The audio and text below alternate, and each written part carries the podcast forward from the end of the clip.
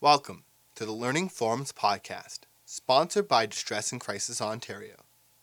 Learning Forums offers programs specifically designed for DCO member organizations. This podcast is meant to inform, educate, and support your work. Enjoy the program, and we welcome your comments and feedback at learningforums.ca slash contact with the subject podcast.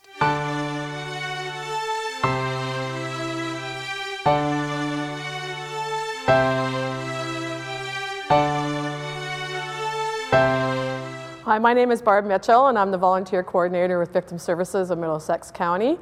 I started volunteering with the service six years ago, and for the last two years, I've been accepted to the position of volunteer coordinator. I recruit and train, we used to call them volunteers, we now call them crisis responders because we go out with the police and um, any first responders, whether it be fire, ambulance, sometimes we get called to the hospitals, and we deal with families in crisis. And um, I am live in Glencoe, and I'm the mother of uh, four children and two granddaughters. I'm Carla Kingma, and I've been volunteering with Victim Services for the last 13 years. I'm also on a fire department, so I see the other side of uh, the responses, and I also work with the military. So um, I kind of teach the critical incident and uh, how to handle post-traumatic stress, etc. Today we're here to deal with families and crisis. And what is a family crisis? It's a stress producing situation or event that causes the family to go outside their normal realm and they don't know how to deal with the situation. So what happens is we come in and try and help them through that. We're a 24 hour crisis line. So the victim will call police 911 and then in turn they will call us to come out and we're second on scene. The police are always first and secondly we're right there to, to help the families once the police respond on scene, then police, fire, or ambulance, or any other agency responds on scene, that's when they can send out for victim services. So it's kind of an addition to the work of what the officers do on scene. So that's who we get called by one of the main goals when we respond is to dedicate where that response is going to be within the three elements. So we're going to figure out if it is going to be a natural disaster, if it's going to be an economical disaster, or a community disaster. And within those, that's when we can pool our resources and focus better for the victim. So with victim services, we respond on scene. It's a face-to-face contact with the victim, with the families, with the people that are currently going through a crisis. Every county currently has a victim services, so we're one of those outreach services that can be contacted. The three types of elements that we see as crisis responders are the natural elements, and that's anything to do with tornadoes, floods, fires, extreme heat, cold, and just gloomy weather. We have people call in the office and they're just depressed because there's no sunshine. You know how everybody is when you're out and about. And we give them different phone numbers to call. We set them up with counselors if they need counseling. And we go out to natural disasters, like if there's tornadoes, like in Guelph a few years ago when they had the tornado, we went in and relieved the victim services people there because they were under a lot of stress because they'd been going 24 hours a day. So that's part of the natural. So the next would be economical. So if a family or a person is going through a chronic financial strain, so it could be gambling with the family funds, it could be uh, lack of child support coming in, it could be that medication and expenses like that have had to build into the, the monetary funds of the family. So the economic situations can also be a drug addiction and money's going elsewhere and it's not in the family. So we also respond to that and assist them through where they can go for help and uh, what services are there for them. And then the third one we usually see is community.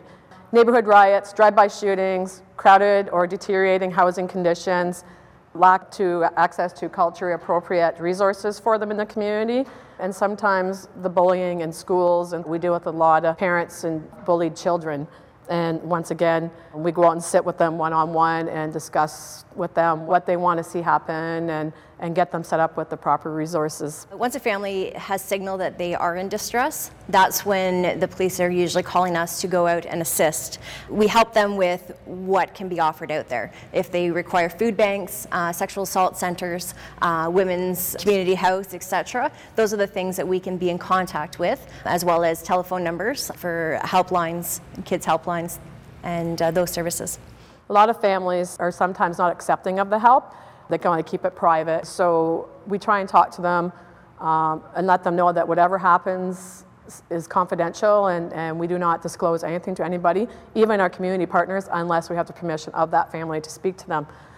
They don't like their private matters to be known in the public, especially when it comes to the children.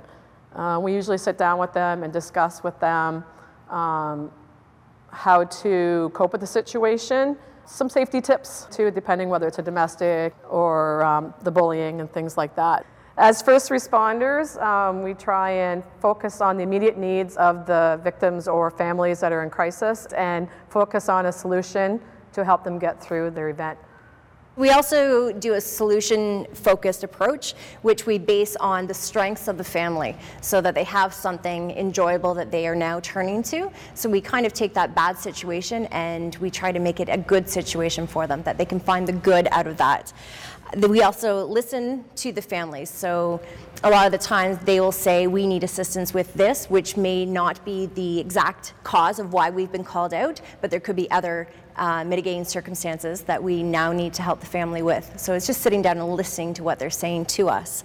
I'm sure that's with the call center as well. You have to be that person that is asking the right questions and listening to what their responses are. And some of them are um, also not aware that there is solutions out there for them. They think it's just something that's happened to them and, and that's it. And it's not. We, make, we help them to realize there is help for them.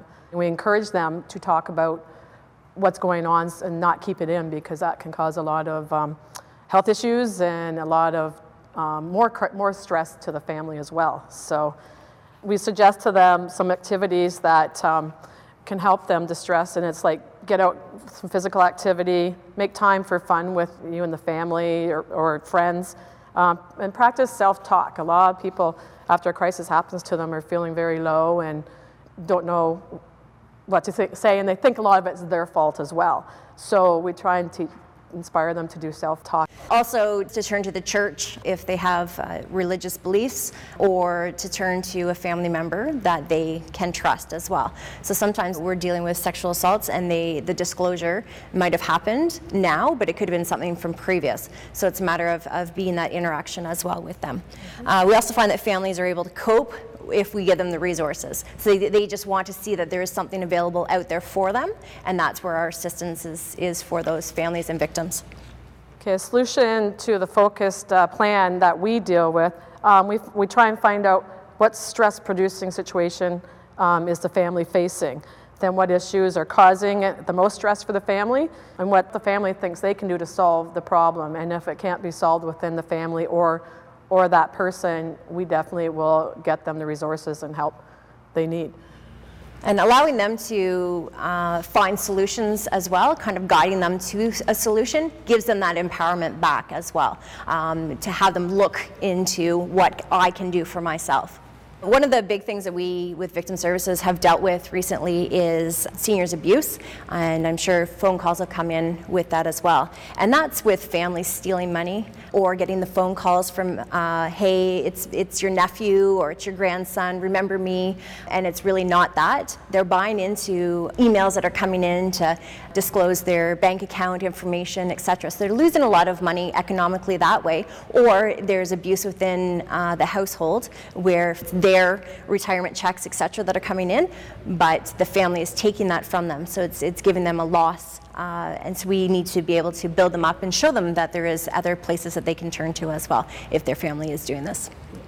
In the case of elder abuse, a lot of the times we are referring them to additional agencies. We can put them in temporary housing, uh, we can put family counseling in place, and so financial counseling in place as well. So that's to get families to communicate and helps to resolve that problem, that issue. I've trained the volunteers and team leaders to do a lot of this, connecting with the families and all that. And we also bring in the community partners to help us to learn how to better deal with the families that are in crisis. And it's a very intense training. It's like 40 hours of training that they go through. So they're pretty well schooled in what to do and how to treat these victims when it comes time to to help them? There's a wide variety of what our responses are. It could be anything from um, a suicide, it could be a, an attempted suicide, it could be, um, like was spoke about before, the bullying, uh, sexual assault, a fire within the household. Missing children. Uh, yeah, child being missing, things like that that we are being called in for.